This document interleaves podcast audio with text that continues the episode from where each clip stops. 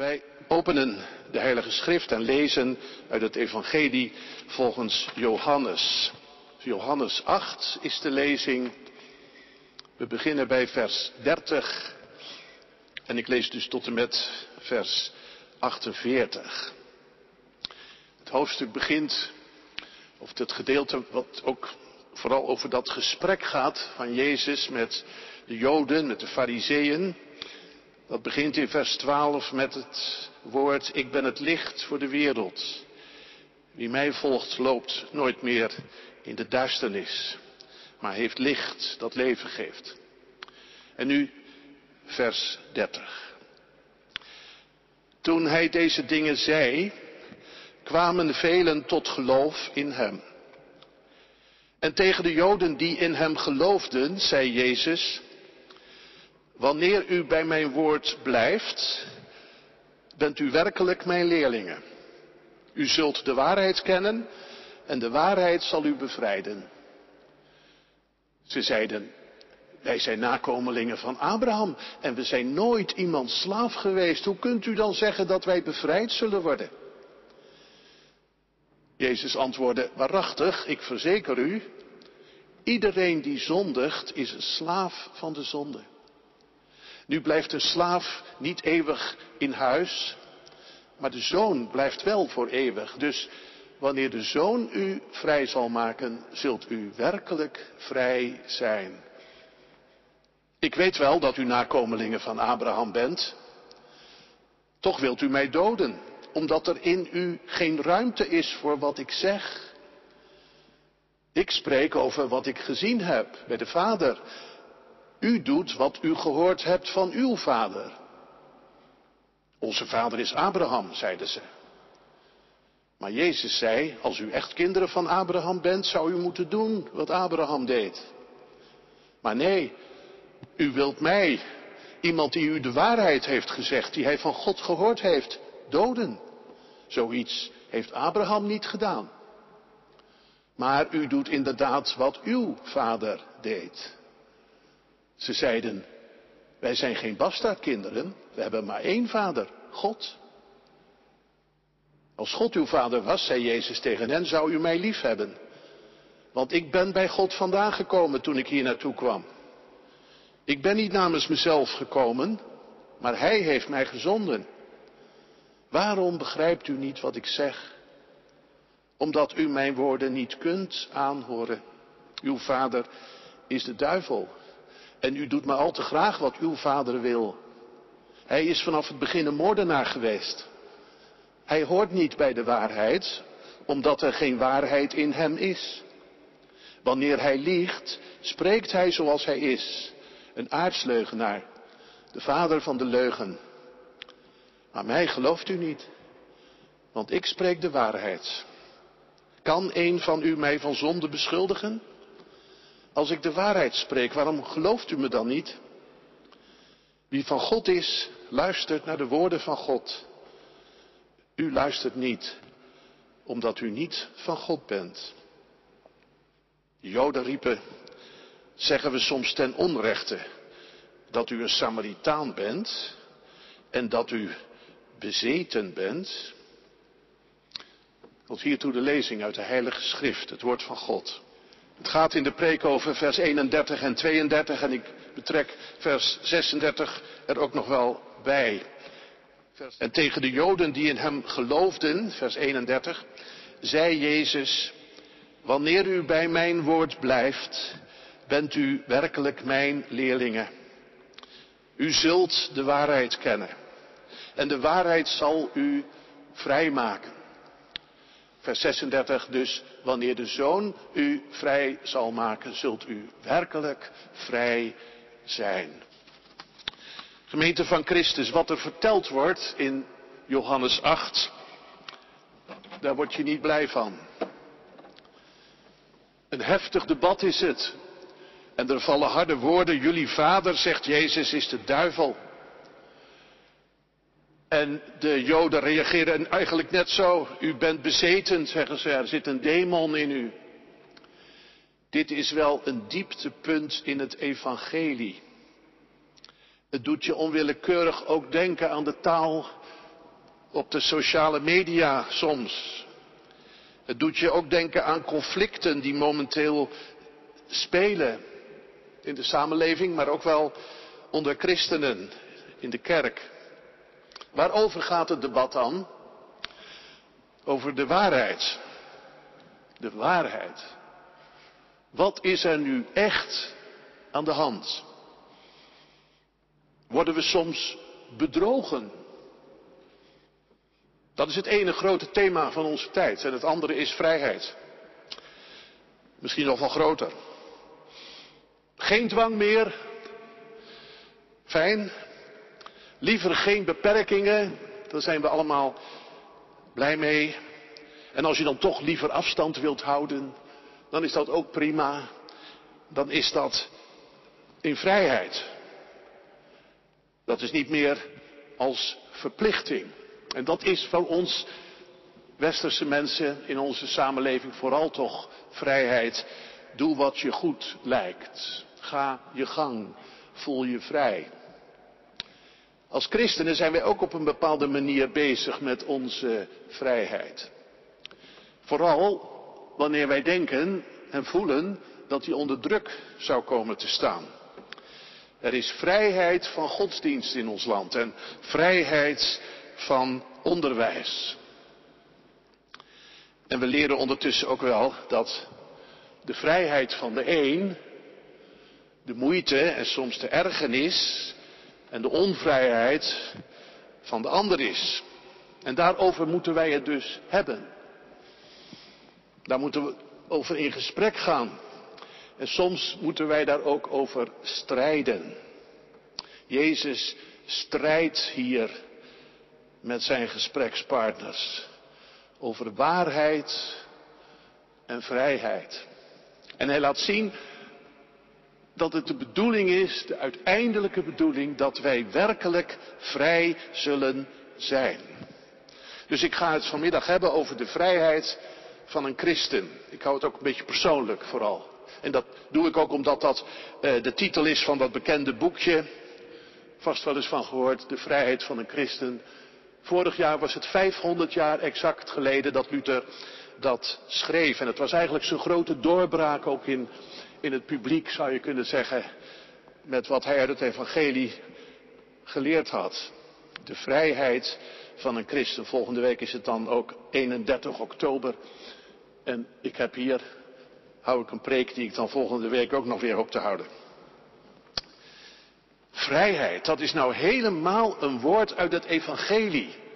Staat centraal in de Heilige Schrift.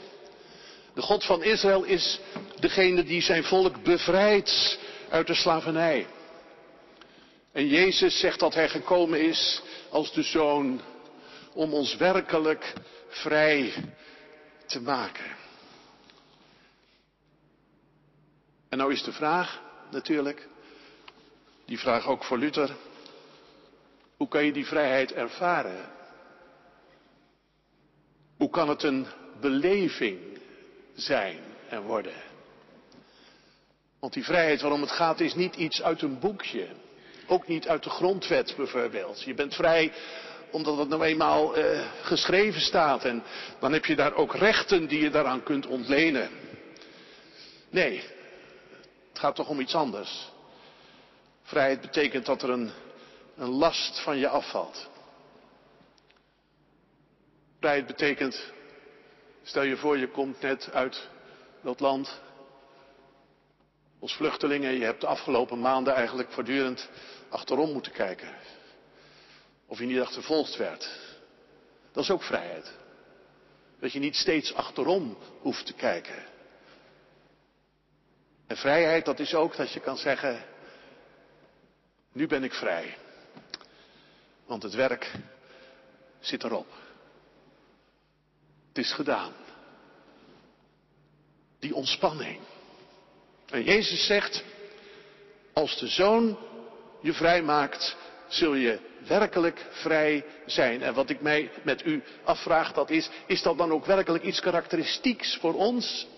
Als christenen, als protestanten, als orthodoxe mensen die op de een of andere manier toch kinderen zijn van de reformatie. Nou, Luther schreef al in zijn tijd in dat boekje dat hij die vrijheid bij zeer weinigen aantrof. En dat kwam ook, zei hij, omdat het nauwelijks of niet gepredikt werd. En als het niet gepredikt wordt, dan komt het er ook niet. En dat kun je je voorstellen. Dat was natuurlijk helemaal nog in het begin van die geweldige beweging die er ontstond. Men zat nog een beetje, zoals dat dan heette, onder het juk van de Roomse kerk. Maar als wij het ons vandaag afvragen, is de gedachte dat je door je geloof vrij wordt. Iets wat diep in onze beleving zit. Wat we hebben meegekregen en wat ook verkondigd wordt. Het geval wil dat in de dienst van vanmorgen dat juist zo benadrukt werd. De volmaakte wet, die van de vrijheid. Daar gaan we dan vanavond, vanmiddag nog even op door. Maar als je mij nou vraagt, zit het diep bij ons, dat besef? Ik ben zelf ook veel meer opgevoed met geloven, dat betekent dat je, dat je vergeving mag krijgen, dat je verzoend wordt, dat je aanvaard wordt, zeggen we vandaag ook heel sterk. Dat je er mag zijn door genade. Of dat je een ander leven gaat leiden, de bekering, het nieuwe gedrag. Maar dat je vrij wordt.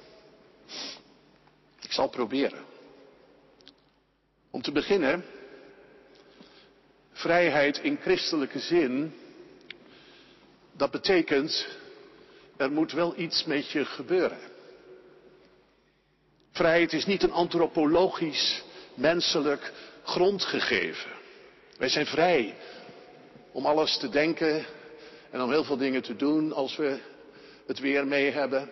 Nee, deze vrijheid zit niet in ons. Wij worden bevrijd. Dus vrijheid is altijd bevrijding in de Bijbel. En hoe je nou vrij wordt, dat zegt Jezus hier. Hij zegt tegen de Joden die in hem geloven, dat is frappant. Dat staat helemaal aan het begin, de Joden die in hem geloven. En dat blijken dan even later ook weer de mensen te zijn die hem willen doden. Dus hoe zit dat nou met dat geloof? Nou ja, laten we dan zeggen, het zijn mensen aan wie wel door Jezus getrokken wordt. Wat hij zegt, dat landt op de een of andere manier.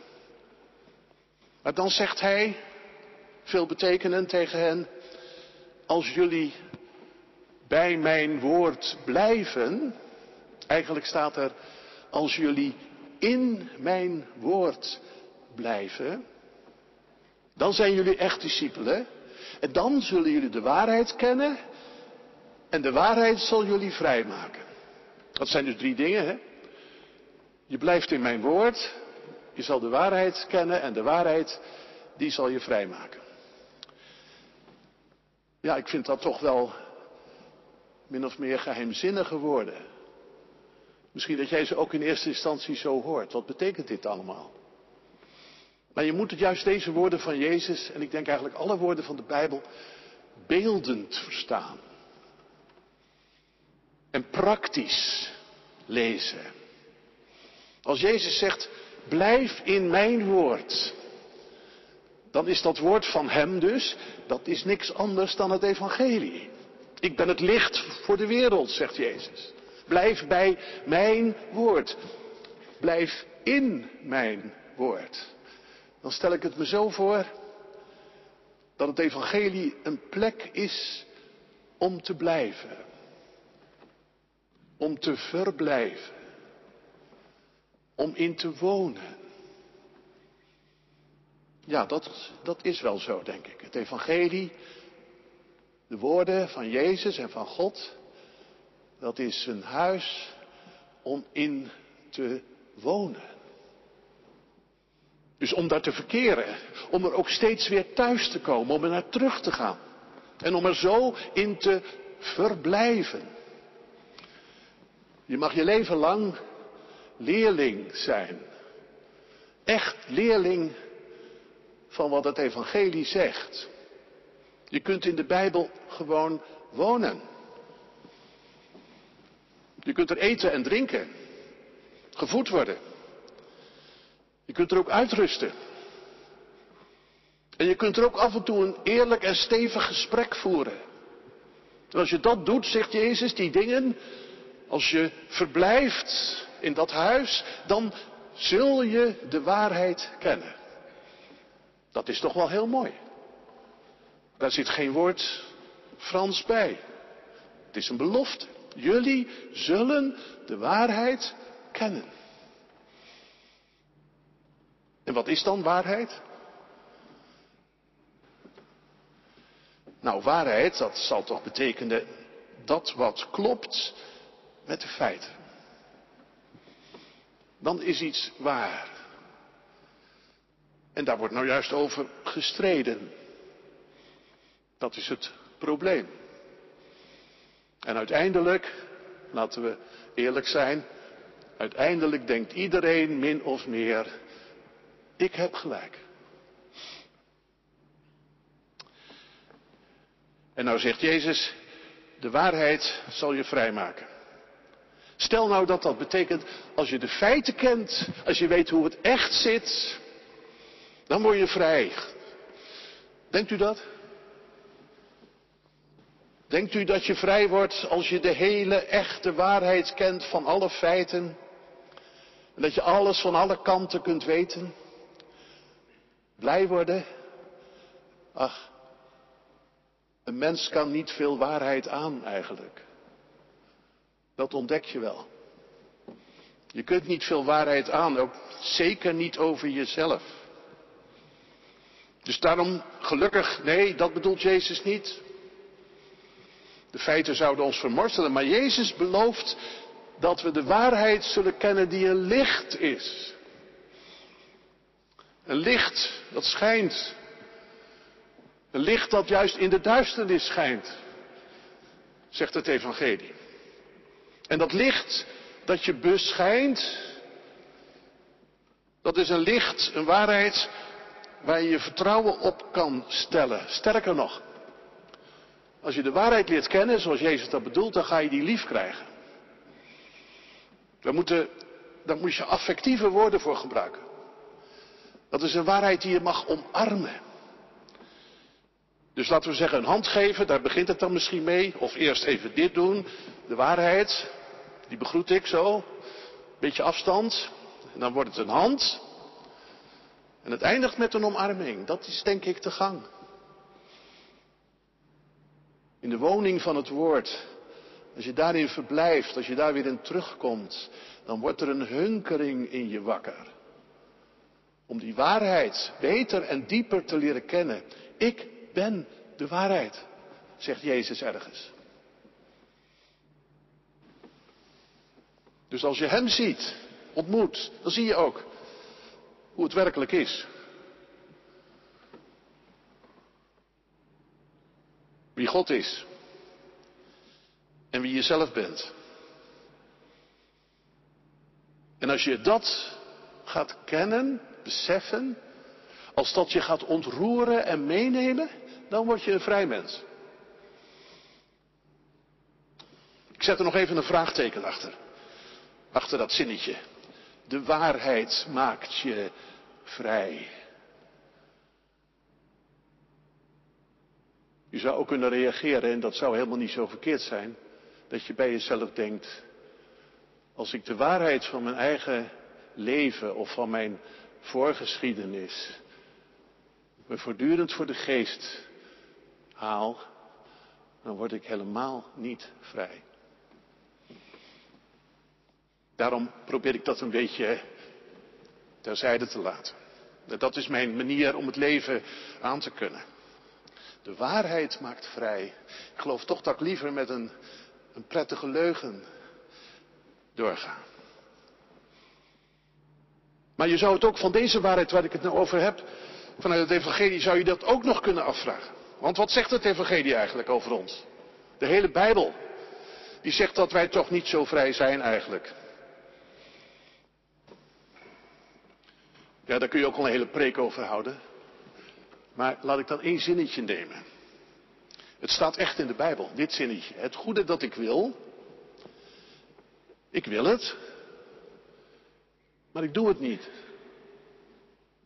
En het kwade, het is kwaad, ik wil het niet, maar ik doe het. Wat vind je daarvan? Nou, ik kan me voorstellen dat je zegt, dat vind ik wel over de top hoor. En dat ervaar ik nou echt bij mezelf niet zo. Ik zit er natuurlijk ook wel eens naast. Maar als ik toch iets echt goeds wil, ga ik dat toch ook doen. Ik ben toch niet zo iemand die zegt, en dat doe ik juist niet. En het verkeerde, het kwade, dat doe ik juist wel. Nou, prima. Is niet de manier van God en Jezus om je met zo, zo één muisklik of één draai aan de knop tot andere gedachten te brengen. Maar neem nou even van me aan als je wil, dat als je blijft in de woorden van Jezus, dan zullen er momenten komen, en meer dan momenten, dat je het toch gaat geloven. Want je moet het ook geloven, echt geloven. Hoe diep dat zit. Dat niet vrije van ons. Dat je iedere keer tot je afgrijzen moet zeggen of beseffen, het is waar. Het is gewoon waar wat er in de Bijbel staat. Je kan natuurlijk denken dat je vrij bent, vrij om het goede te doen, maar dat wordt ergens toch onmaskerd als zelfbedrog. Jezus zegt het heel, heel precies. Wie zonde doet, is een slaaf van de zonde. Dat is een zinnetje om eens op te kouwen. Niet gelijk aannemen, ook niet gelijk verwerpen, maar een poosje op kouwen. Zonde doen betekent. Het openbaart als het ware dat je een slaaf bent. Dat wordt dus over ons gezegd in de Heilige Schrift. Dat wij gebondenen zijn. Dat wij verslaafd zijn. En Jezus laat dat ook naar boven komen. Want het is zo wonderlijk. Als hij verschijnt, als hij komt in de wereld, dan zijn er allemaal mensen om hem heen die zo fout zitten. Met zichzelf, met hun leven. Die zo ziek zijn, die kortom zo verloren zijn. Dat er maar één ding nog is dat helpt. Eén ding, een godswonder. Het wonder, niet de methode om beter te worden. Jezus is geen aanrader van methodes. Jezus is het vlees geworden wonder van God. Dat wat er niet in zat, toch kan. Dat je verloren bent. En wat doet Jezus dan? Redden. Redden.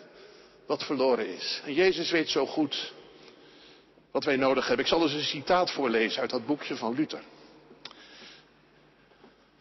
Als u het evangelie leest, het evangelie, dan hoort u daarin God, uw God, tot u zeggen dat heel uw leven en al uw werken niets voor hem betekenen. Ja, dat u veel eer met dit alles en met al wat u in u is voor eeuwig verloren moest gaan. Als u dat werkelijk gelooft, zoals u verplicht bent, dan moet u wel aan uzelf wanhopen. Jongen, denk je. Dat lijkt wel existentialisme of zo. Maar het is waarachtige waarheid, geloof me, ja. Aan jezelf wanhopen. En die waarheid omarmen. Dat zei ik toch net, je moet de waarheid ook lief krijgen. Die moet je omarmen. Moet ik dan dat ellendige van mij omarmen? Nou ja, er zijn mensen vandaag die dat dus zeggen, hè? dat weet je waarschijnlijk. Dat lees je in allerlei bladen. Dat zijn die psychologen en raadgevers die zeggen, je moet je eigen falen, mislukken en zo, dit moet je omarmen. Dat is dan weer zo'n methode, begrijp je? Dan put je daar kracht uit. Maar dat is niet de manier van Jezus. Als ik zeg, je moet die waarheid ook lief hebben, dan is dat omdat er dan één ding voor je vast komt te staan. Dit. Ik kan het niet oplossen. Ik kan het niet goed maken.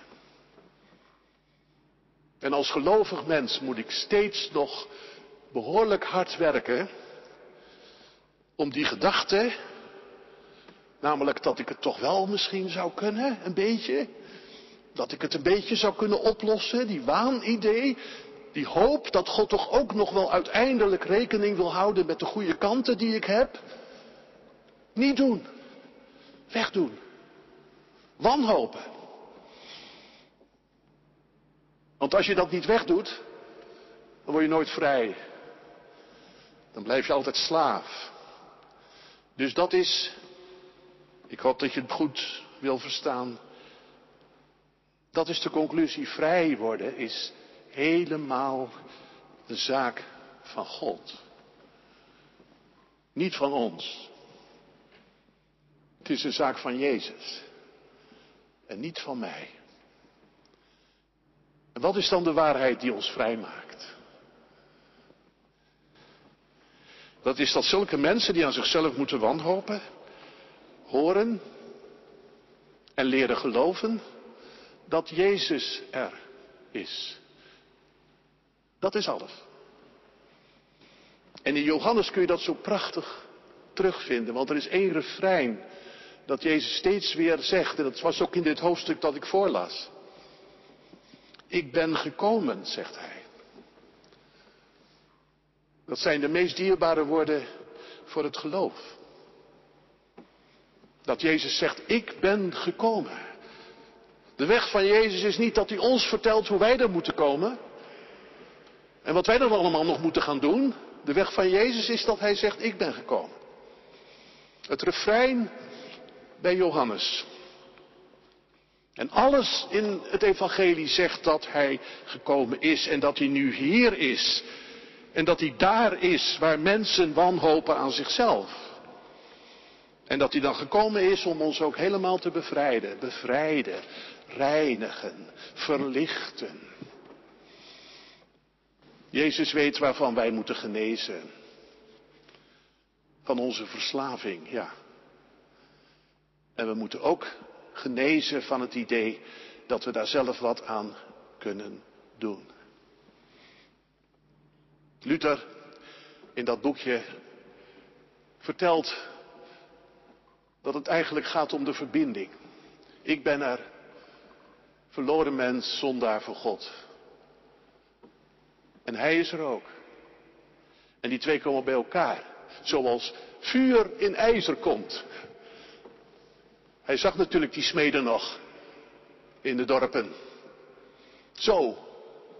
Zo wordt het een eenheid. Of een beeld wat ons misschien wat meer aanspreekt. Luther noemt het een bruiloft. De rijke prins en het arme hoertje, zoals Luther het zegt. En die trouwen. En dan is er een overdracht van schulden en van bezit. Hij neemt alles van ons over, alle zonden. En wij krijgen zijn gerechtigheid en gehoorzaamheid. En dat is nu die vrijheid. Dat is de bron van die vrijheid. Dat je altijd als je aan jezelf denkt, meteen aan Jezus denkt. Zonder overgang, hè? zoals Paulus, want die zei dat. Het goede dat ik wil, dat doe ik niet. Het kwade dat ik niet wil, dat doe ik. En hij zegt meteen, ik dank God door Jezus Christus. Dat is een wonderlijke kunst. De kunst van het geloof. Al het andere helpt niet. Keer, keer steeds terug naar die woning, naar het woord. Keer terug daarnaar. Dan leer je ook die waarheid steeds beter kennen en lief krijgen. Luther zei, we zijn zondaar, verloren en verdoemd. En dat ben ik. En tegelijk, en toch, zijn we bevrijd, aangenomen en heilig. En dan word je dus vrij. En wat is dan vrij? Dat de zon opgaat, toch? En dat je vrij bent van de last die je probeert af te schudden. Dat je vrij wordt van de angst die je geweten je influistert. Maar uiteindelijk gaat het daar niet om, denk ik. Het gaat niet alleen maar om dat ik vrij word als een soort opluchting, een troost, dat is het zeker. Maar uiteindelijk gaat het bij die vrijheid van een christen om wat dat betekent voor de ander. Jij bent alleen maar, zeg maar, daarin weer een middel ook. Wat dat betekent voor de ander, met een hoofdletter. Wat betekent mijn vrijheid, onze vrijheid, voor de glorie van God? En wat betekent het voor de ander die je naaste is? Mijn vrijheid, zeggen we vandaag, is de onvrijheid van mijn naaste, helaas. Zo werkt het. Maar de vrijheid van een christen, dat is de vrijheid om af te zien van ruimte voor jezelf. Van zoveel ruimte dat het bedreigend wordt.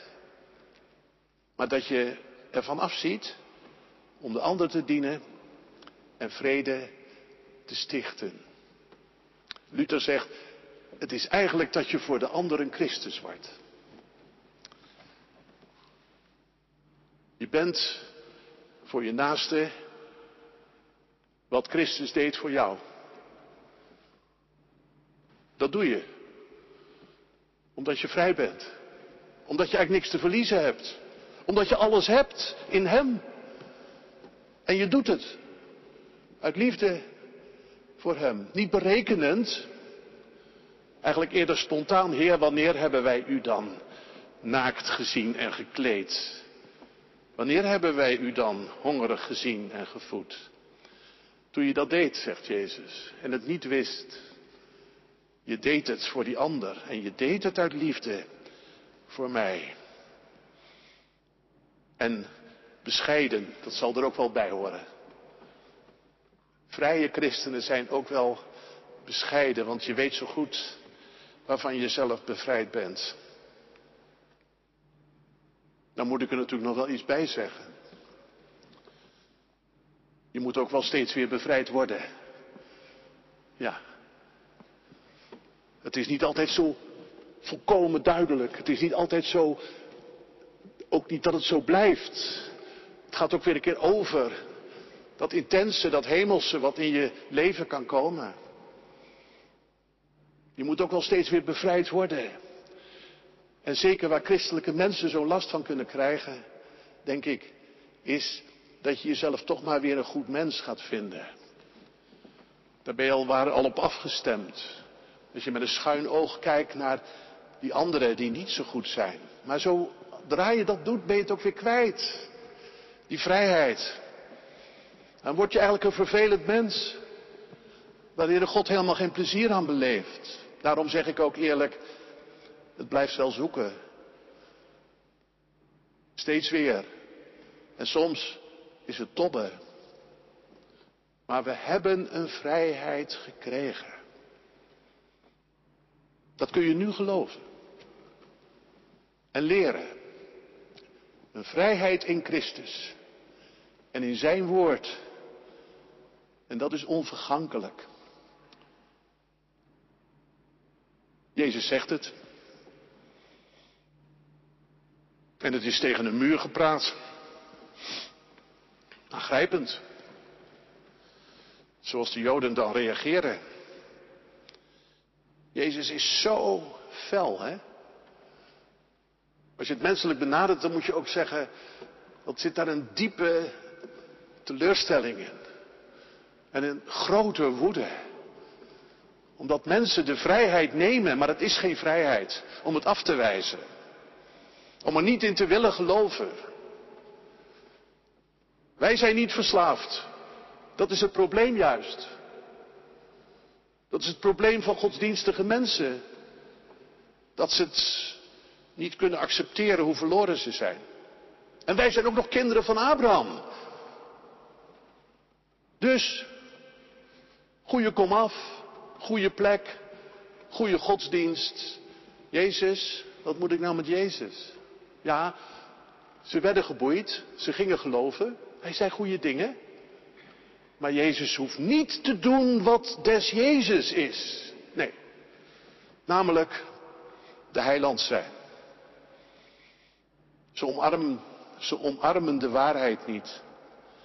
En daarom leven ze door, godsdienstig als ze zijn, met de leugen van de duivel.